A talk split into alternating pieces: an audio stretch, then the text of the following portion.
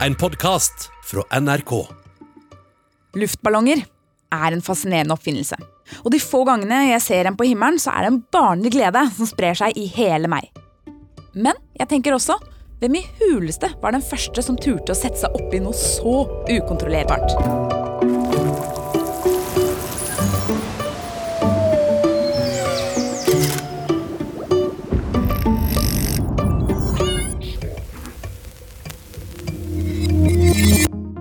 Hjertelig velkommen til en ny episode av Smartere på ti minutter, der jeg, Selda, forteller deg om fakta, vitenskap, historie og andre morsomme temaer som gjør deg nettopp det, litt smartere, men på bare ti minutter. I love you. Dagens episode begynner her hjemme i Norge med en hendelse som fant sted så å si midt i Oslo sentrum tirsdag 2. mai 2017. Omtrent samtidig som Dagsrevyen rulla ut i de tusen hjem, nødlandet en luftballong på en basketballbane. Luftballongen kolliderte først i et basketballstativ, så fløy den over banen og ble hengende i stativet på motsatt side. Ifølge dem som så landingen, var det definitivt ikke en kontrollert landing. Men kapteinen av luftballongen, Michael Klingberg, mente at landingen var helt under kontroll. Til Dagbladet fortalte han at ballongferd er en reise fra et sted til et annet, og man følger bare vinden. Det høres jo helt ko-ko ut, men det er nettopp sånn en luftballong i all hovedsak styres. En kaptein kan styre den opp og ned, men ellers er det vinden som kontrollerer reisen. Med dagens teknologi har man nok informasjon om vindretningene til at man kan planlegge turen og lande der man vil. Vel, som oftest der man vil. Kapteinen fortalte også at han hadde landa noen tusen ganger før, men bare ikke akkurat der. Og når en NRK-journalist spurte om det var farlig, svarte kaptein Michael det spørs hva du mener med farlig. Farlig er et relativt begrep. Og han har jo helt rett i det. Farlig er et relativt begrep. Har du flydd og landa en luftballong noen tusen ganger, veit du hva du skal gjøre. Men hvem i alle dager var den første personen som satte seg i en luftballong? En innretning som bare vinden kan styre? Det viser seg at det selvfølgelig ikke var noen feiginger. For luftballongens historie startet lenge før digitale hjelpemidler så dagens lys, nemlig i 1709. Veldig lenge siden. Ikke var dette bare luftballongens start, men også begynnelsen på luftfartens historie. Og det portugisiske hoffet må ha klappa og jubla da de fikk se en liten modell av en varmluftsballong som tok av rett foran dem. Prinsippet om at varm luft er lettere enn kald luft, ble den gangen demonstrert av den brasilianske presten med et navn jeg ikke klarer å uttale, så det får datamaskinen gjøre. Bartolomeo de Guzmão. Bartolomeu de Guzmão. Han.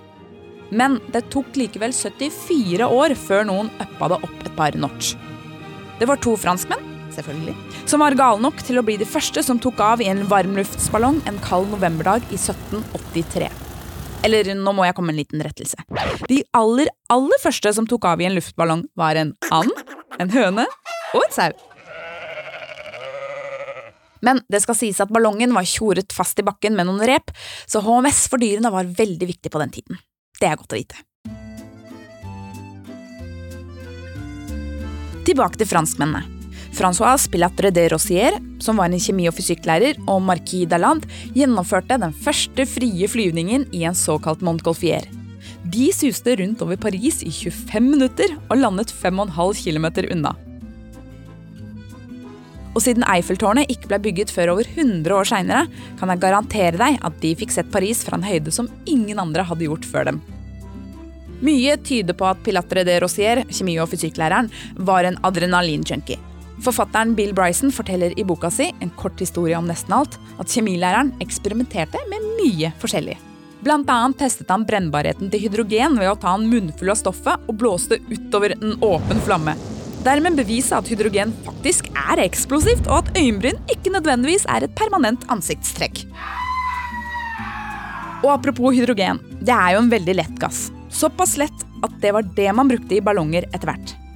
For bare ti dager etter at fysikklæreren og kompanjongen tok av i Montgolfieren, så var det to andre franskmenn som letta opp i lufta i en ballong fylt med hydrogengass. Jacques Charles og Nicolas Louis Robert het mennene, og de landa etter en to timer lang tur til en nydelig solnedgang. Etter landingen var Jacques gira på litt mer luft og tok av aleine. Han kom raskt opp til 3000 meter. Da var han så høyt oppe i atmosfæren at han kunne se sola igjen. Men kroppen vår er ikke laga for å stige opp så mange høydemeter på så kort tid. Og han begynte å få skikkelig smerter i ørene. Da han landa på bakken igjen, bestemte han seg for å aldri fly mer.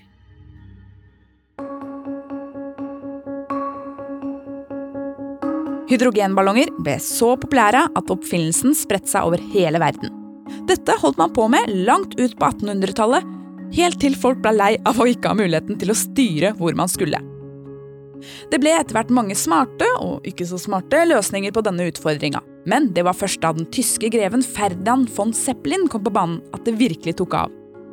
I 1900 snekret han i hop en gigantisk sigarforma ballong med motor som drev propeller plassert i akterenden.